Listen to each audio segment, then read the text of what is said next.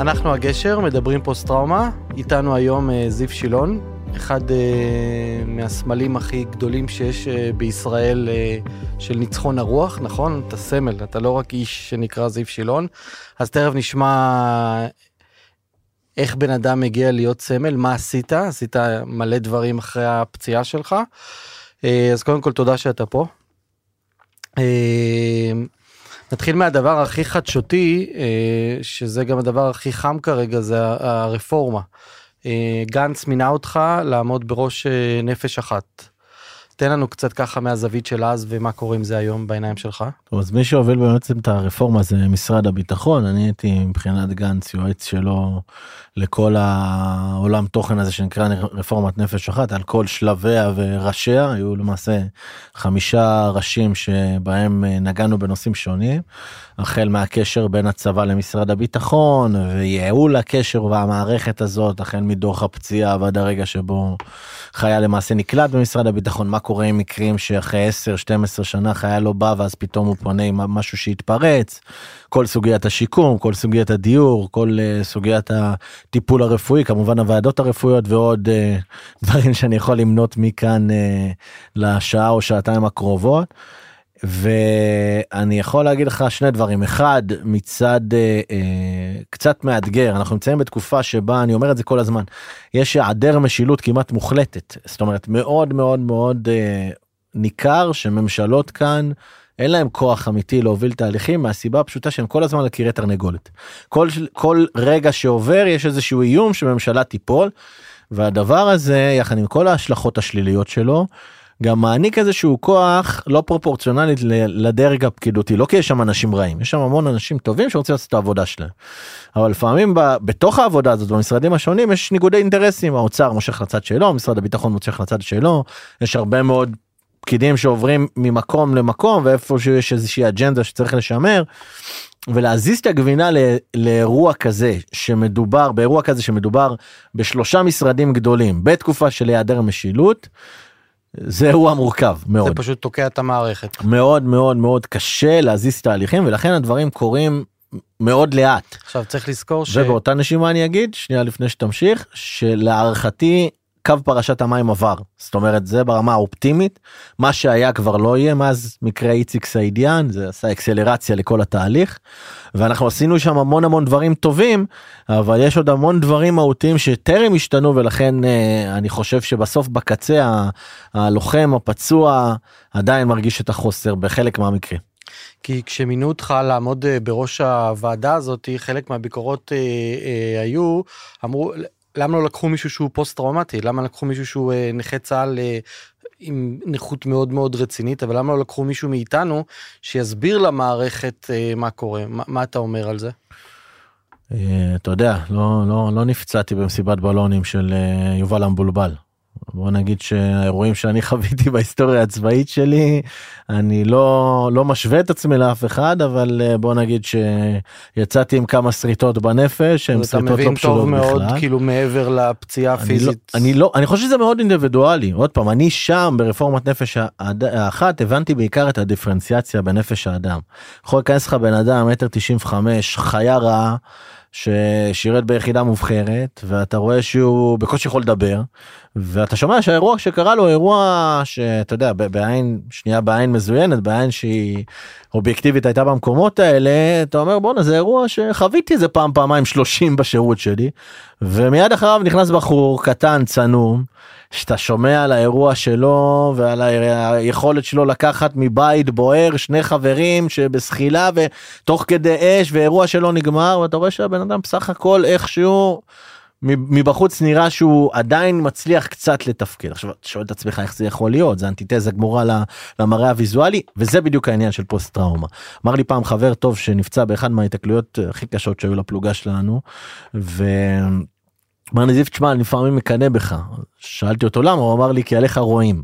ואני חושב שזה ההבדל המשמעותי עליי רואים אומרים אז. זה inherit inside the system אנשים כן. יודעים שאם כנראה סחבתי ואני עובר את כל מה שעברתי אני גם מתמודד בנפש אבל באותה נשימה אני אומר אני לעולם לא אוכל להבין לעומק אה, כל אדם ואדם ברמת האינדיבידואלי כי זה מאוד מאוד שונה אגב גם שני פוסט טראומטיים שהם נמצאים בהתמודדות מאוד מאוד קשה ולא כל כך מצליחים להתרומם הם לא יכולים בוודאות להבין אחד את השני יש אחד שיושב לו על משהו אחד שני שיושב לו על משהו שני. מה כן אני חושב שיש כאן במשתנה הזה שחשוב להבין? שאני פחות או יותר עשיתי דברים בחיים שלי ברמה העסקית וברמה החברתית. הקמתי ארגונים שיש להם אלפי בוגרים ופעילויות עסקיות שיש להם מאות אלפי אה, אה, אה, מושפעים במעגלים שונים. יש לי ידע איך, איך לנהל תהליכים ברמה מאוד מאוד רחבה. וללא היכולת הזאת אני חושב שהתוצאות שהיינו מצליחים להגיע אליהן הן הרבה פחות טובות מהסיבה הפשוטה שכשאתה הולך למשרדי ממשלה שהם אה, בטח בסיטואציה כזאת שיש כמה ואתה מגיע אליהם שאתה לא יודע בדיוק מה אתה רוצה ובדיוק מה לתקוף ויש לך כמה נושאים שהם אולי אתה לא תצליח להעביר כלום במדינת ישראל. אני, אני לא אומר שזה עוד פעם שזה משהו שהוא באשמת הפוסט טראומטיים שהם רוצים המון המון המון, המון דברים. אני אומר אין פה אשמה פשוט אני יודע מה עובד במדינת ישראל ואחרי התהליך הזה זה נתן לי גושפנקה אדירה על העובדה הזאת שללא רק בדברים שהגענו ממוקדים לצורך העניין ועדת הדיור שהובלנו יחד עם חגי רזניק אני וחגי בנינו את זה עם אוהד דנוס אה, אה, ראש אה, לשכת השמאים לבד לגמרי בתחילת הדרך הגשנו את הדברים הכל ברחל בתך הקטנה. מה שעכשיו ועד- עובר לחקיקה. נכון ועדיין היה קשה אה, אה, להשחיל את זה ועבדנו עם ארגון נכי צה"ל ובסוף בסוף בסוף. בדברים שלא ידענו בדיוק להגיד לא רק את המה גם את האיך לא השתנה מספיק מה- מהר העין ערך הוועדות הרפואיות שעדיין לא הצליחו להרים את זה למקומות שבהם אה, זה מגיע למקום שהחיילים מסופקים מה כן אגב השתפר זה התהליך עצמו. ועדת הבקרה אה, לימור לוריה וגיא שמוביל את העניין של שער הכניסה הכניסה לתוך משרד הביטחון היא תיעלה אני אני אומר לך ממקום אישי אני ליוויתי אישית איזה 25 תיקים. היא תיעלה ב-800 אחוזים היו תיקים לפני 4 ו-5 שנים שסגרו אותם אה, השנה ויחסית הקצב הוא מאוד מאוד מהיר תוך שלושה חודשים אנשים מקבלים תשובה. אני יכול גם לספר על עצמי שאני באמת זה הזמן שלקח לי במסלול הירוק שלושה חודשים מהרגע שהעזתי לי להגיש אה, בקשה עד הרגע שהם סיימו איתי זה באמת לקח אה, שלושה חודשים. זה שינוי אדיר זה לקח בעבר ארבע שנים וה- והדברים האלה אתה יודע להזיז אותם ולגרום לזה לקרות זה בעיקר האנשים במשרד הביטחון אז ככה ששנייה לפני שצועקים ומקללים יש אני יודע בוועדת התביעות עצמה גיא ראש אה, מי שמוביל את התחום הזה הוא לוחם לשעבר ביחידת נחשון. הוא רוצה בערב נפש חפצה לעזור ללוחמים הוא מגיע מהאזור הזה. לימור ראש האגף הגיע עם נפש חפיצה. עידן הוא לוחם פצוע ארגון, ראש ארגון נכי צה"ל שנפצע בהיתקלות בגבעתי אז uh, אני בסוף חושב שבסוף אלה האנשים שיורים עליהם את החצים כי כי זה הכי קל אין מה לעשות אתה תמיד מחפש את מי מוביל בשביל להגיד מה לא טוב. אבל באותה נשימה צריך לזכור שהאנשים האלה מקדישים את החיים שלהם של האנשים טוב. אבל אם אנחנו מסתכלים על זה רחב יותר ואתה כמה שנים בתוך הדבר הזה. מה, מה קרה לאגף השיקום ולמשרד הביטחון בנושא הזה של, של פצועי הנפש ושל מתמודדי הפוסט טראומה? זאת אומרת היה איזה הייתה איזה אטימות הייתה איזה איזה קשיחות היה איזה הם מרמים אותנו משהו מערכתי היה שם דפוק. זה בדיוק מה שאתה מתאר זאת אומרת היה אבל מאיפה זה בא להם? הרי זה הייתה לא... איזושהי ועדה אה, בעבר שבה אה, פתאום פתחו את הנושא הזה של אה, נכי צה"ל. ושם היה איזשהו עליהום ציבורי על, על נכי צה"ל עם הוולבואים זה היה לדעתי לפני שנולדתי אה, אני לא יודע בדיוק מתי אתה נולד אבל זה היה ממש מזמן איפשהו בשנות ה... בשנות התשעים ואז אחרי העליהום הזה הקימו ועדה לבחון באמת את כל הדברים ושם היו מסקנות שנכי צה"ל הם ב-70 אחוז חולי פסוריאזיס ולא פצועים במלחמה אגב נתון שקרי ולא נכון לחלוטין כל הפצועים של יום כיפור היו אז חיים ובועטים וזה רק אלה שהכירו בהם מה עם כל אלה שהסתובבו אחרי המלחמה הארורה וההזויה הזאת ואף אחד לא אפילו ידע עם מה הם מתמודדים. ומעבר לזה אה, אה, את כל העניין של ה over זכויות שנכי צה"ל מקבלים עכשיו בואו חבר'ה זה אנשים שנתנו את הנשמה שלהם את החיים שלהם ועשו אותם כאילו כל נכי צה"ל הם ג'ובניקים. ומהתפיסה הזאת השתרש איזשהו כדור שלג שהוא מלווה בוקטור נוסף בהחלטות מערכת שצר לי להגיד את זה אבל הסעיף התקציבי של אה, נכי צה"ל לא עוגן כ... כפרח מוגן כאיזשהו סעיף תקציבי נפרד בתוך תקציב הביטחון. ולכן אם אתה עושה מתמטיקה פשוטה כל 100 מיליון שקל שאתה חוסך על נכי צה"ל אתה יכול לקנות בזה מערכות נשק והמדינה הזאת בסוף צריכה להמשיך אה, להגן על עצמה. ושוב אין פה אתה יודע שיקולים הם קרים והיו שנים רבות שראשי אגפים נמדדו על חיסכון. עד רמת השרשור של האירוע הזה עד ל, ללוחם הפצוע בסוף שהיה יושב בכיסא עם ראש האגף הוא אומר לו תגיד לי אתה יודע כמה אתה עולה לי לשנה והגישה הזאת יצרה על גביה המון המון בירוקרטיה וזה כדור שלג שהתגלגל במשך 15 שנים ואז הגענו למצב שבן אדם צריך לחתום על 20 טפסים בשביל לקבל פלסטר. אה, אני אקח אותך רגע אה, ל-2012 כדי שרק נעשה פתיחה וסגירה של, ה, של המקרה ש, שהיה איתך. אה, אתה בעצם התפוצצת עם מטען, נכון? מטען חבלה נכון. בעזה. אבל מה שמדהים זה ש, שכבר קראתי קצת את uh, קורות החיים של, uh, של זיו שילון, שב-2012 היה האירוע, וכבר כמעט שלוש או ארבע שנים אחרי זה כבר התמודדת בתחרויות ספורט. שאחד כמוני רק יכול לחלום עליהם ואתה אני רואה בלי יד. אז איך איך אתה מסביר את הדבר הזה? בלי שתיים האמת אבל בסדר זאת סתם לנוי שאני יכול לשים על עצמי. אה, אוקיי. זאת גם יד שהבאתי מהשטח והוא הולחמה מחדש פחות או יותר.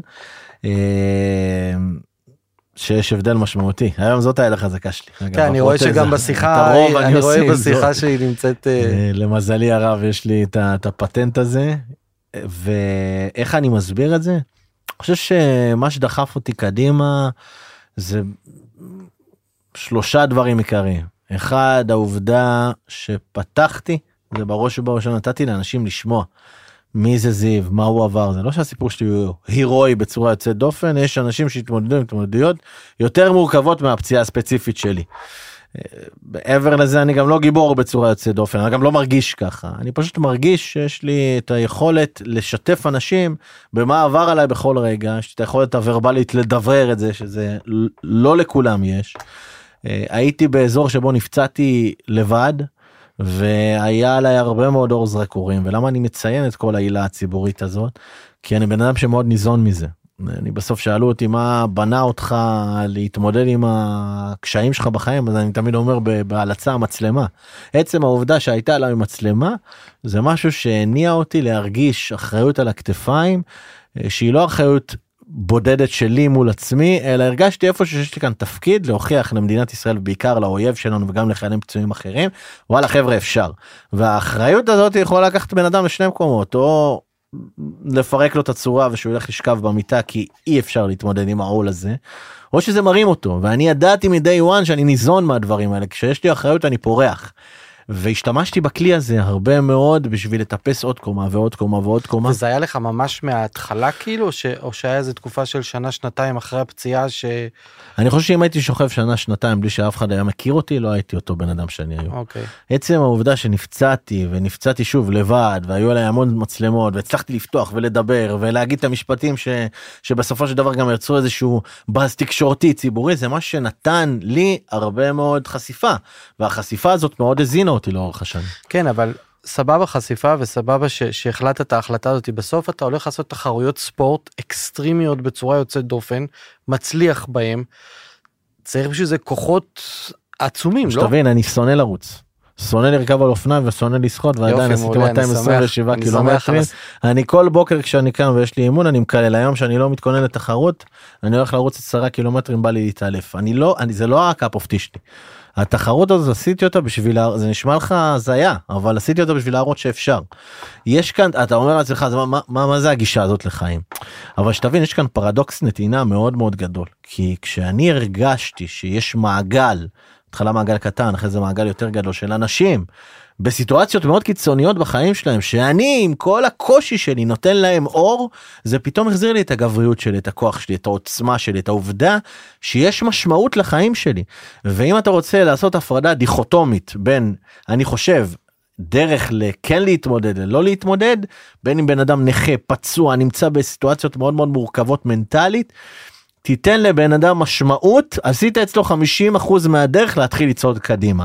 חד משמעית אני אומר אני לא צריך להיות פרופסור למדעי הנפש בשביל להגיד את זה אני אומר לך כל בן אדם שהצליח זה מאוד קשה לאתר את המשמעות הזאת שהצליח לנטוע בתוך הנפש שלו ובתוך ההתמודדות היומיומית שלו משמעות שהיא איננה התעסקות בפציעה נטו יתרומם לאזורים אחרים ואלה הדוגמאות שליוו אותי בתחילת המסע הזה אם זה אה, גיא פרייס שראיתי בפעם הראשונה שאיבד שתי רגליים. ו... הוא בחור מרשים וחתיך וראיתי אותו עם חיוך על השפתיים אמרתי כזה אני רוצה להיות ואיתי ארנלי ורמי ברכה. נראה לי שהשבוע סיפרו לי עליו שזה אחד שהוא בלי רגליים ומטפס על עצים נכון? תקשיב זה בן אדם מטורף כאילו ואיתי ארנליב שאחרי זה המשיך בקריירה אה, אה, וממש התפרק לחתיכות ונועם גרשוני ורמי ברכה ואלה הדמויות ששאבתי מהם השראה כי אמרתי אני רוצה שהפציעה תהיה משהו שאני יודע לאפסן בתרמיל הגב שלי להשתמש בו ככלי ושזה לא יהיה מרכז החיים שלי. ומ-day one השתדלתי להיות במקום הזה וזה לא אומר שלא היו נפילות. קיללתי ובכיתי וצרחתי והתפרצויות זעם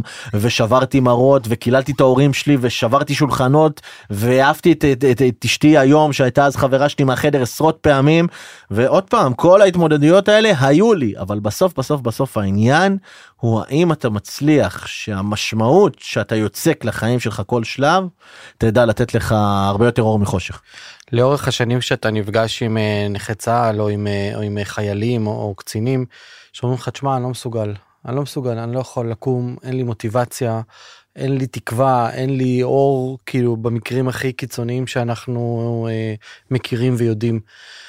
מה הדברים שאתה יודע לקחת ו- ו- ולהרים אותם משם? אז תראה, אז אני בדרך כלל מנסה לאט לאט לבנות את המסלול הזה, כי בסוף, אתה יודע, שיחה אחת לא יכולה לשנות הכל. אבל אני זוכר את הפגישה הראשונה שלי עם, אה, אגב, עם, עם גיא, שמאז לא דיברנו יותר מדי, אבל זה מאוד מאוד זכור לי, עם אה, נועם גרשוני, עם איתי. האנשים האלה השאירו עליי חותם ואני ניסיתי להיות בשביל אותם פצועים שבאתי לבקר אחריי בדיוק בדיוק באותו אופן אה, מישהו שכן משאיר איזה משהו של יש איזושהי זיקה לאופטימיות ובאותה נשימה ניסיתי לבנות עם איזשהו תהליך שהוא מאוד מושכל ואפשר לקרוא לזה אפילו קר ומחושב של איך אני בונה מחדש משמעות בחיים שלי. כי אני באמת חושב שגם תוכנית שורשים שהקמתי בהתחלה בבית חום, תחומי ועכשיו התפתחה אפילו לאוניברסיטאות בארצות הברית יש לה כבר אלפי בוגרים אה, בקונסטלציות השונות שלה זה תוכנית שמה שרציתי זה להכניס לוחמים פצועים לאקדמיה עוד בשלב התקופה שלהם בשיקום כי רציתי לתת להם איזשהו אורח חיים אחר חוץ מהפיזיותרפיות הטיפולים הפסיכולוגיים והריפוי בעיסוק ברגע שאתה מוציא את זה. כמשהו שהוא אקסטרנל לחיים שלך ולא מרכז החיים שלך אז אתה מקבל איזשהו אופציה אחרת לגדול ושם אני תמיד מנסה להשפיע לנסות למצוא אצל הבן אדם מה עושה לו טוב ולגרום לו להבין איך הוא עושה את זה. לאחרונה קצת אה, נעלמת ציבורית נכון אה, מה מה קרה לזיו. Uh, כן כן כן כי אחרי הרפורמה תשמע היה לי מאוד קשה ברפורמה אני בעצמי רק אשתי יודעת אבל לא ישנתי בלילות. אני עשיתי את כל העבודה הזאת בהתנדבות מלאה. שעות על גבי שעות הבאתי אנשים חברים אה, וקולגות מה, מה, מהעסק שלי מה, מהחברה שלי בשביל לעזור ברמה המשפטית בתוך הדבר הזה. וזה היו שמונה היו שמונה חודשים שבעה חודשים מאוד מאוד מטלטלים גם התגובות שאתה מקבל למטה לא כולם מרוצים אין מה לעשות אני מבין את זה כשאתה מנסה להניע מהלך גדול יש גם אנשים שלא מרוצים וזה בסדר. ומהצד השני העבודה מה... מלמעלה היא כל כך מורכבת שלפעמים כשאתה שומע את הצעקות מלמטה אתה מבין כמה הם מנותקות במציאות כי אם לא היה מישהו עם פוזיציה שיודע לסב... לדבר בשפה של אותם פקידים יושב איתם לא, לא היה אפשר להעביר כלום. אה, עוד פעם יכול להיות שזה היה קורה גם בלעדיי אבל אבל בסוף אתה יודע כל המערכת היא, היא מערכת שהצדדים למטה לפעמים לא מבינים כמה זה קשה להוביל את ההליך גם אחרי שהוא חתום וזה התיש אותי נפשית אה, ואני החלטתי אחרי הדבר הזה שאני לוקח break תקשורתי עשרות רעיונות שביקשו ממני לעשות ופודקאסטים אני פשוט אומר לא להכל ובוודאי ובוודאי המצב שנמצא שאנחנו נמצאים בו עכשיו במדינה אני חושב שכל חייל פצוע זה עושה לו משהו אתה אומר אתה יודע אתה שואל את עצמך עשרות פעמים ביום בואנה כאילו סליחה על הביטוי fuck את למה איבדתי את הידיים את הרגליים את הנפש שלי את העיניים את יכולת ההליכה שלי הדיבור? בשביל מה? שאנשים פה יריבו אחד עם השני כל היום בשביל זה חברים שלי נהרגו בלחימה. אני לא יודע אם זה יושב לכולם מול העיניים אבל אצלי זה יושב. מאוד מאוד מאוד חזק ואני לא אתה יודע אני גם הפסקתי לראות טלוויזיה בגלל זה. ואני ארד לפועל היוצא של זה זה לא שהפסיק להיות אכפת לי. זה לא שזה להפך. אבל אני חושב שבן אדם במהלך המסע שלו צריך אה, גל תיכון בחור אה, שאימן אותי לאיירון מן. אז כל הזמן הוא היה אומר לי כל חמישה אה, שישה קילומטרים באופניים בריצה בשחייה תעצור אתה יודע תעצור מתודולוגית ותגיד רגע איך אני? אני בסדר? אני צריך עוד מים אני צריך עוד ג'ל אני צריך עוד בננה. ופה הרגשתי שאני לא בסדר ואני צריך לעצור ולהתנתק ושיהיה לי את הכוח להמשיך לעשות. אם אתה שואל אותי מה הכלי השני שאני מוציא כפועל יוצא מזה זה מודעות עצמית. כשאתה נמצא בחוסר מודעות ואתה מסרב לטפל בעצמך או אתה מסרב ללכת ולמצוא איזשהו משהו שמנקה לך את הנפש מכל ההתמודדות כי יש הרבה כאלה שהם אתה יודע מאצ'ואים כאלה בגישה שלנו פעם בצבא זה איזה תתמודד היה לך התקלות יום למחרת אתה שוטף את הדם הולך קם בבוקר עולה שמירה עולה עולה משימה יוצא לסיור יוצא למערב. מי היה לו את הזמן בכלל לדבר על זה מה אתם כוסיות סליחה על הביטוי זאת הייתה הגישה הרבה מאוד שנים בצה"ל והגישה הזאת התקבעה והשתרשה גם אחרי זה גם אם בן אדם חווה את הטראומה באזרחות. ואני חושב שמודעות עצמית והיכולת רגע לעצור ולהגיד משהו לא בסדר אני צריך רגע לטפל לא חייב פסיכולוג באיזושהי דרך זה הכלי השני אולי הכי משמעותי שהייתי נותן לבן אדם בשביל להתחיל להתמודד. ואתה רואה שנעשה גם שינוי אה, בצבא אה, בגישה הזאת של אה, של רגע יש פה אירוע שהוא לא נורמלי ובוא נבין שנייה מה קורה עם האנשים. שינוי ענק ענק.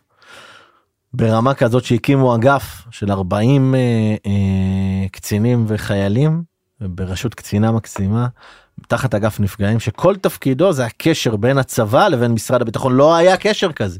הוסיפו עוד תקנים של מש"קיות נפגעים במיוחד לפצועי צה"ל לכל החטיבות. היו אצלי אגב בבית הביאו לי מתנה ליום הולדת לפני משהו כמו חודש זה אתה יודע עם כל ואני כאילו אתה יודע מוכר ומכיר זה פירק לי את הלב מבפנים בגאווה בואנה באים אליי חיילים עכשיו מחטיבת גבעתי עם כומתות מדים מש"קית נותנים לי מתנה ליום הולדת בואנה זה, זה נתן לי כל כך הרבה המפגש הזה של שנייה וחצי אני לא אשכח אותו.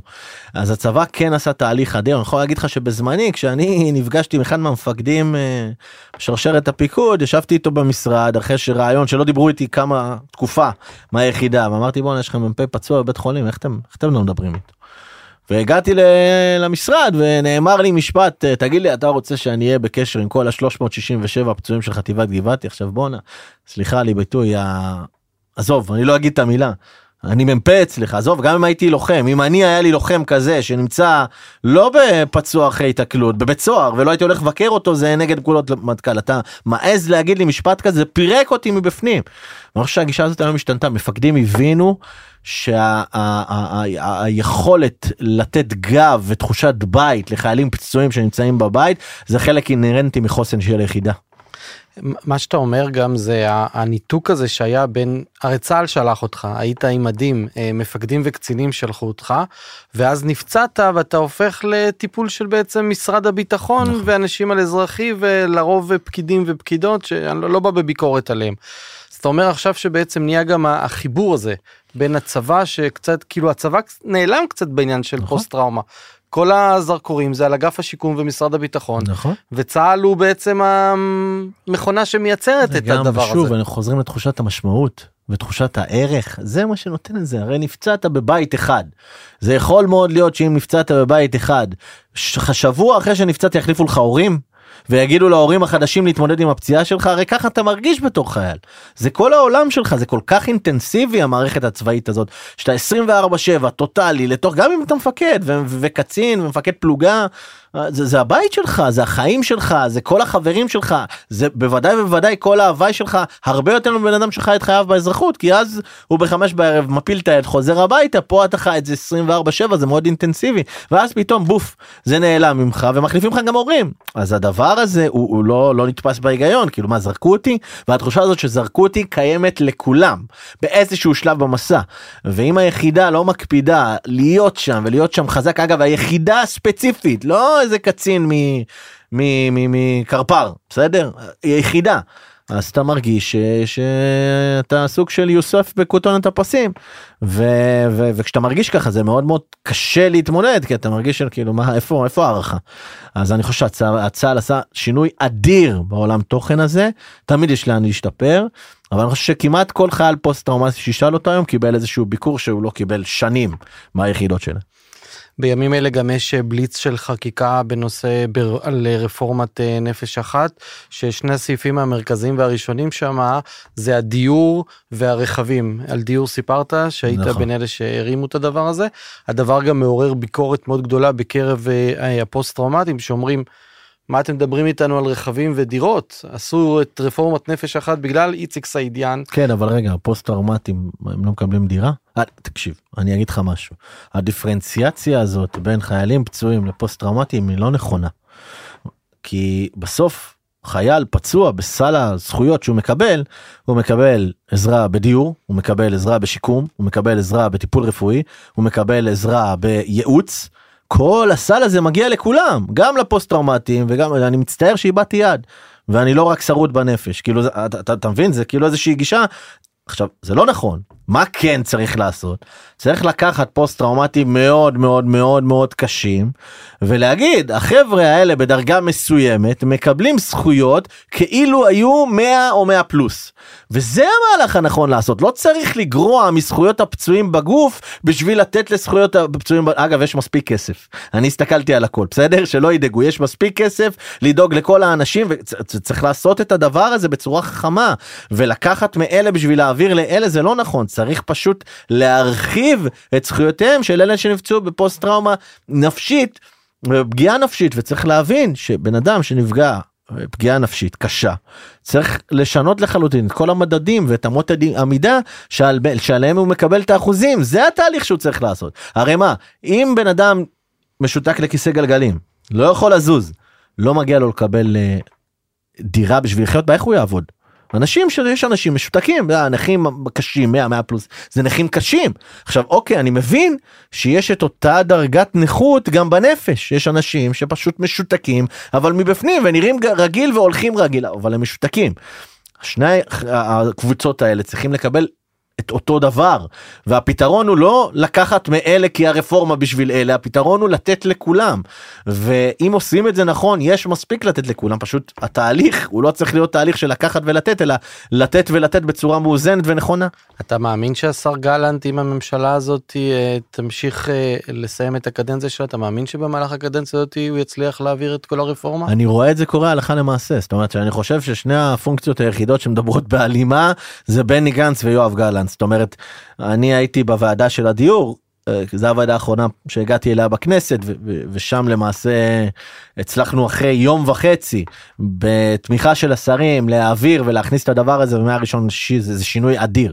אגב גם כשמדברים על דירות וכולי בוא אה, זה צורך מספר אחד בפירמידת הצרכים של מסלו זה, זה קורת גג.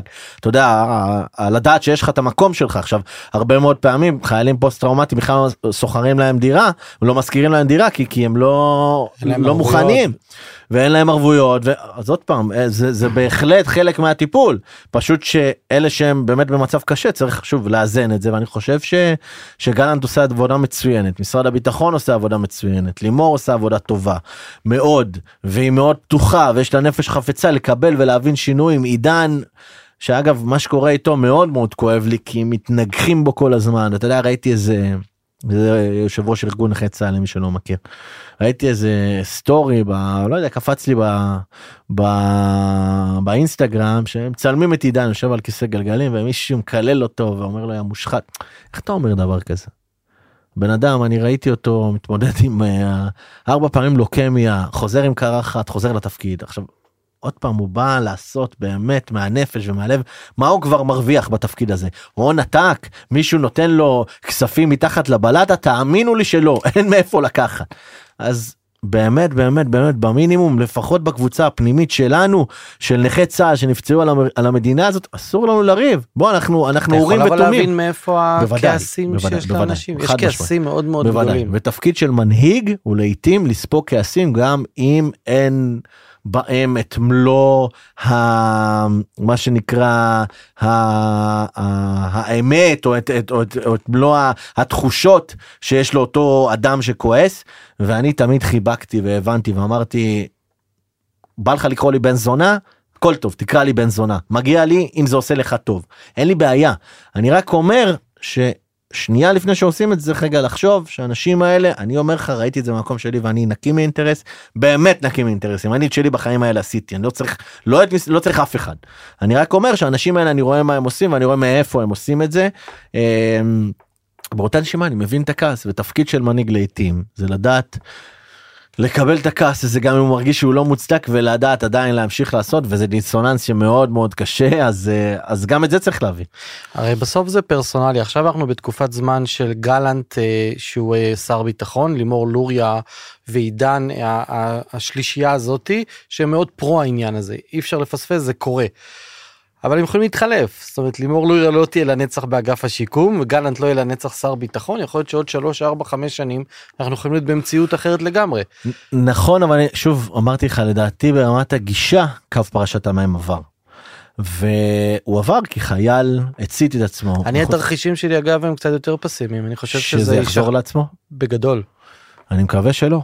אני מקווה בצער רב אני אומר את זה, אני, אני פשוט שומע ורואה את הקולות ואת הרכשים. כן, שזה חוזר לעצמו. אני חושב שאנשים, חלק מהם אין להם מה להפסיד, וראו מה, מה עושה, בסוף מה עושה בישראל, מה, מה, מה מזיז מישהו, שמישהו בא ושורף את עצמו, אז יש כזה מהפך, ואני חושב שאנשים יעשו את זה. צר לי מאוד אם זה יקרה. אני חייב להגיד לך שאני לא יודע, אני לא נביא. ואני גם לא יושב בפוזיציות האלה, גם אין לי עניין לשבת בפוזיציות האלה יותר לעולם. אבל uh, אני מאוד מאוד מקווה שמה שניסינו לעשות לפחות לא הצלחנו בהכל מה שניסינו לעשות יישמר אני יותר מלקוות אני בן אדם אופטימי במהות שלי אז אולי, אולי הם צריכים יותר להתאמץ שם אלה למעלה uh, במשרדי הממשלה uh, אוצר משרד הביטחון כי לפי המספרים 20 איש בערך התאבדו מאז שעשיתם את הרפורמה. Mm-hmm. לא מספרים על זה ולא מדברים על זה כי לא מדברים על התאבדויות אבל mm-hmm. אנחנו יודעים שזה קורה. אז אולי הם צריכים להאיץ כי הם מבינים שהיו פה המון שנים של התעלמות. ו... איך מאיצים? הנה זו שאלה מעולה לפוסט טראומטיים איך מאיצים? לא מאיצים אותם שם מאיצים את התהליכים לא מאיצים את ה... לדבר זה עוד פעם זה כמו הפוליטיקאים שלנו שבגלל זה המדינה שלנו נראית ככה. כי אם רק מדברים וצריך להאיץ ומה הבעיה שמייצרים אצל הציבור אה, עיוות תודעתי ברמה כזאת שהשרים שנייה לפני שהם עולים לתפקידם ואנשי האנשים שאומרים אנחנו נוביל את התהליך הזה הם יוצרים עיוות אצל האנשים למטה כי הם גורמים לאנשים לחשוב שמשהו יכול לקרות מהר. תיקח מערכת גם במגזר העסקי של 150 אנשים שהם לא אנשים צעירים 40 45 פקידים בסך הכל עוד פעם לא כולם יוצא 8200 49 יחידת חקר החולשות של, של צה"ל. חבר'ה שבסדר אתה יודע חיים את חייהם מהרובד הממוצע של, של מדינת ישראל ברמת האינטליגנציה והיכולת להוביל רגע גמישות. שים אותם כארגון, הארגון בנוי, מושתת על יסודות מאוד מאוד מאוד מאוד uh, מובהקים של חלקם מלאים בקלקולים. להזיז ולהעביר את הארגון הזה תהליך בואנה חבר'ה זה אירוע מורכב. עכשיו מי שלא היה שם ולא חווה את זה לא מהאזור העסקי ולא ניהל עובדים ולא באזור של החברתי והפוליטי ולא יודע איך גופים כאלה מתנהלים בוודאי ממשלתיים הוא חושב שיאללה בואו נעשה נפעיל כמה מקלות של קסמים כאילו אנחנו וולדמורט ונגרום לדברים לקרות אבל זה לא המצב אתה יודע להניע גלגלים של ארגון לזוז קודם כל צריך לשפוך המון כסף בשביל להניע רפורמה בשביל להרחיב את היריעה ומהר מהר מהר מהר לנסות לעשות את כל מה שניתן ואז להתחיל לצמצם את האזורים הנגועים. תהליך כזה של רפורמה להיות מושלם לוקח להערכתי לפחות שלוש שנים. זה אנשים שהם רקובים ברמת התפיסה שלהם שיושבים בפוזיציה וצריך או לשנות להם את התפיסה או להזיז אותם. זה אה, אה, שורות על גבי שורות על עשרות אלפי שורות שכתובות סתם בשביל לעכב תהליכים שצריך לשנות אותם. אה, ועדות רפואיות שקורות במקומות שהן לא צריכות לקרות בהם שצריך להזיז ולעשות פיילוט עם בתי חולים שעסוקים במיליון ואחד דברים כולל התמודדות עם התקצבים שלהם. חבר'ה יש כאן אירוע שמשלב כל כך הרבה אונות והוא מאוד מאוד מורכב ולכן עם כל הצער וכל הכאב וכמה שקשה אני צר לי להיות זה שמבשר את זה או איזה דביל אדבוקט אבל אבל קשה להזיז את התהליך. ואני לא מבקש מהאנשים האלה לשמור על סבלנות. סבלנות כי אין להם אז אני גם לא יכול לבקש את זה מהם. אז אין בעיה צריך להמשיך לצרוח עד שזה יקרה אבל רק לדעת שכ- ש- ש- ש- שהצרחות האלה כמה שלא נצרח חזק הם יזיזו כ- כמחט ולא כאגרוף ובסוף בסוף לוקח זמן לתהליך להבשיל ומי שלא מבין את זה יותר קשה לו לעכל. בתוך ה- אה, התהליך שאתה עשית, אה, רגעים של, אה, את המשברים של סביב נפש אחת אה, אה, סיפרת עליהם, אבל ב- בתוך התהליכים שאתה עשית, מקומות ש, שזיהית אה, או נפילות, או מקומות שאמרת, אני לא מצליח, אני לא מסוגל, היו כאלה דברים? כן אבל לא נתתי לזה לקרות זאת אומרת איפה שאני הייתי אחראי לגמור ולהרוג משהו במובן החיובי שלו הרגתי אותו. אבל עוד פעם זה כי אני באתי מבחוץ עם כל האנרגיות שלי וכל הזעם הפנימי וההזדהות שלי וכל הניסיון שלי לבוא ולהניע תהליכים. זה קרה בדיור זה קרה ב- ב- ב- בשער הכניסה זה קרה בסעיפים על גבי סעיפים שהיינו צריכים לכתוב בהרבה מאוד דברים אחרים זה לא קרה לצורך העניין עד הסוף בוועדות הרפואיות. אה, אתה יודע בסוף הכל שאלה של כמה כמה צינורות אתה צריך לחבר שיזרמו מים כמו שצריך עד שהם יגיעו לברז. ובעולם תוכן שיש הרבה outsourcing ויש הרבה גופים אחרים שהם אינם כפופים באופן ישיר למנכ"ל המשרד ולשר הרבה יותר קשה להניע את התהליך כי זה כאילו גוף בלתי תלוי שהשר לא יכול לפקח עליו ישירות והוא גם משפיע בהשלכות רוחב על משרד הבריאות ועל הביטוח הלאומי וזה אירועים מורכבים כי אם אתה הזזת את הגבינה לוועדת רפואית פה אז יבואו מביטוח לאומי ויגידו רגע הנכים הכלליים או נכים אה, עוד פעם יש לי ילדה נכה 100% אז אני במקרה חי את שתי העולמות תגיד למה אנחנו לא ככה? והאירוע הזה הוא מייצר הרבה מאוד אה, דיסוננסים שקשה לפתור וזה קרה. אני חושב שככל שהנושא היה יותר מצומצם בשליטת משרד הביטחון הוא השתנה בתכלית. ככל שהדברים היו מושפעים מגופים מקצועיים אחרים היה הרבה יותר קשה להזיז והיו כמה כאלה. אנחנו עוסקים פה לא מעט בצמיחה מתוך הפוסט טראומה, מתוך הפציעה. אה, אתה סיפור קלאסי של אה, צמיחה כזאתי. אה, סיפרת כרגע גם ושיתפת שגם בחיים האישיים אתה מתמודד עם ילדה עם צרכים מיוחדים.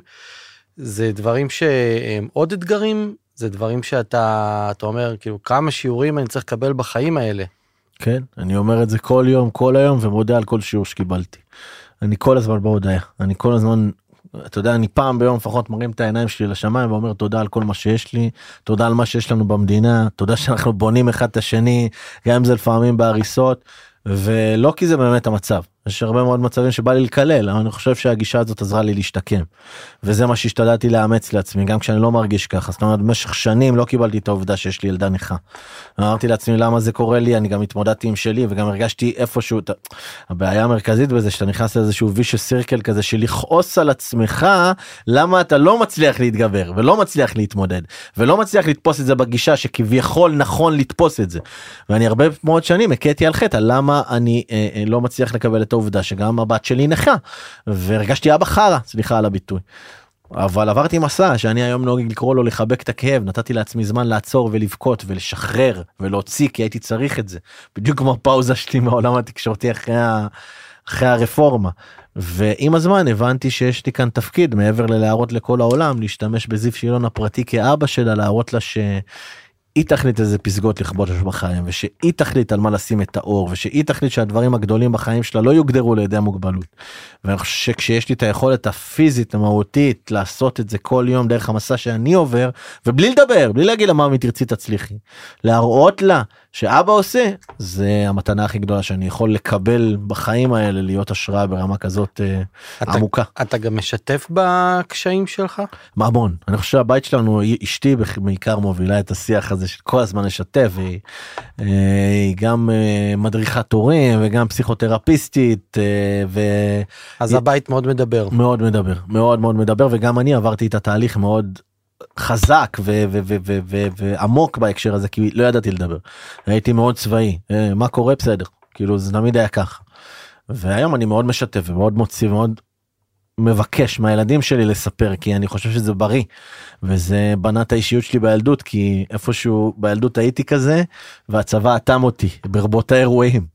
אז אני השתדלתי להחזיר לעצמי את האנושיות אחרי התקופה הזאת של אה, שבע שנים קשות בשירות. שזה תהליך אה, מדהים מה שאתה מספר זה גם מספר קצת משהו גם על הגבריות שלנו כאן נכון. אה, בישראל נכון כי הצבא מאוד נוכח בחיים של אה, רוב האנשים או של רוב הגברים והנשים כמובן אה, וכל אחד יוצא מהצבא עם אה, הצלחות מאוד גדולות לצד גם קשיים או שריטות אפשר להגיד חלק מאיתנו שנפגעו או נפצעו. אה, ואתה בעצם מתאר אחד, את אחד הקשיים בעצם שמתמודדים איתו גברים, אה, את המקום הזה של וואלה נפגענו, אה, נפצעתי, אני נכה, אין לי יד, אין לי רגל, אה, אני לא ישן בלילה, יש לי סיוטים, אה, יש לי פלשבקים, כל אחד מהמקומות שהשירות הצבאי שלו חשף אותו לדברים. אז אתה כועס על עצמך שאתה לא מספיק גבר. וזה המעגל הקשה הזה שדיברתי עליו, הלא להצליח להפסיק לכעוס על עצמך שאתה לא יוצא מזה. שזה הרבה יותר קשה מלא לצאת מזה stand alone. אתה מצליח לרדת לסוף דעתי? שזה המעגל הזה ואז מצטרף אליו גם מעגל הבושה כאילו אני לא מה למי אני מה אני דיברנו על זה קודם מה אני כוסית כן. אנחנו מכירים את- השפה הזאת בסדר אז ראיתי חבר נהרג לידי וואלה אחי הוא מת הוא גמור אני רק הייתי אתה יודע נכון. והמעגלים האלה וההתמודדויות האלה יש לי אה, חלק מהאנשים שאני שואל אותם נגיד אחרי אירועים קשים.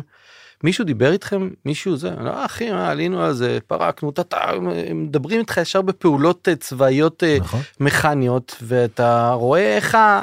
איך זה מתחיל הדבר הזה. אה, ל- לכווץ אותם. לכווץ לגרום אותם. להם להזיע. אנחנו ישבנו איזה 14 שנים אחרי אירוע מאוד קשה שהיה לנו בבית הלוחם אגב אחרי הרפורמה. ארגנו איזה מפגש כזה של 22 אנשים. וזה היה מטלטל כי אתה פתאום רואה חברים שלך מתפרקים. אחרי שאנשים מבוגרים ילדים כבר אתה יודע אירוע שקרה אירוע קשה אמנם אבל אתה רואה את האנשים מתפרקים ורועדים ומזיעים ויוצאים לעשן 17 סיגריות במהלך הסשן. וזה היה סשן של שעה אפילו לא צללנו לעומק אתה מבין כאילו כמה זה חי אצל כל אחד מאיתנו. ועכשיו מסר אולי הכי גדול ש- שאנחנו יכולים להעביר זה חבר'ה זה לא בושה לשתף זה לא בושה להוציא זה חלק מהתהליך.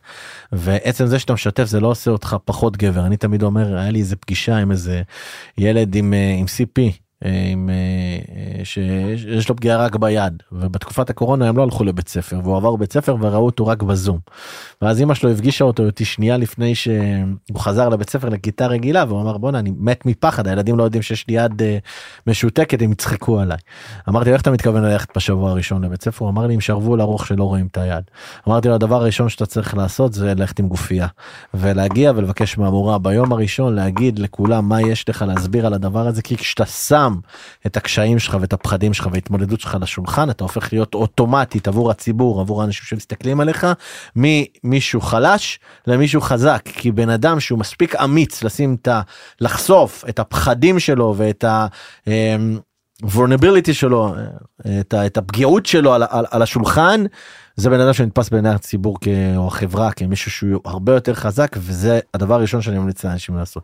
צאו תשתפו את המעגלים הכי קרובים שלכם זה ייתן לכם הרבה אור שחור לפרוש לפרוק מהנפש והרבה פידבק טוב פנימה.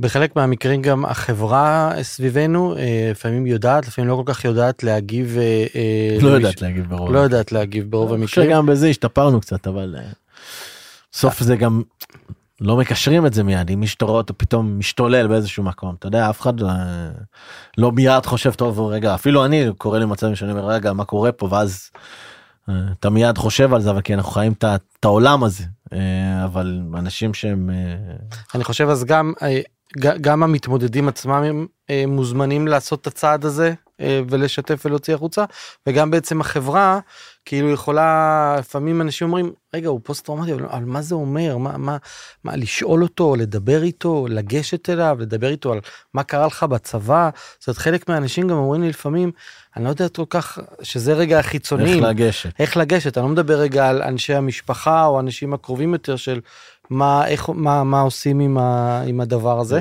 אז אני אני לפני משהו כמו תשע שנים ישבתי עם אה, ארגון בני עקיבא ויוני שטבון במשרד קטן בכנסת ודיברנו על הצעת חוק חדשה שנקראת אה, יום אה, לאומי לפצועי צה"ל שבסופו של דבר יצא בנובמבר עם כל המשמעות של זה.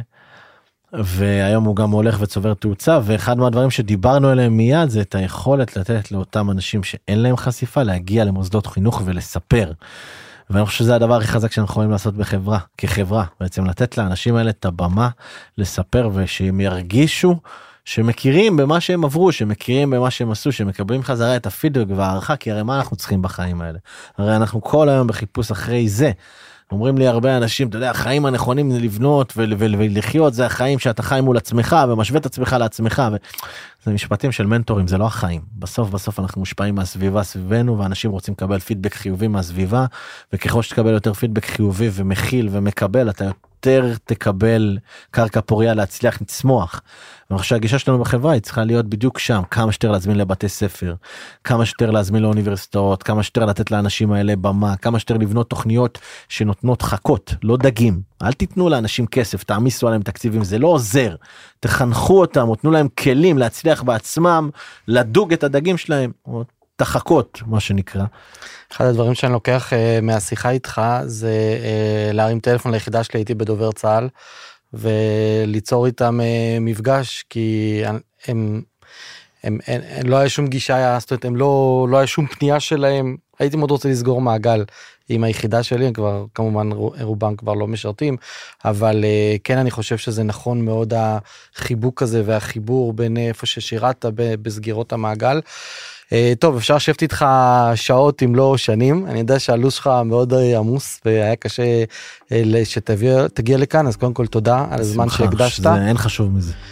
נתת לנו כמה שיעורים מאוד מאוד חשובים והלוואי שמי שמקשיב לנו אפילו ייקח משהו אחד כדי לעשות את החיים שלו טובים יותר. תודה רבה זכות שלי תודה אדם.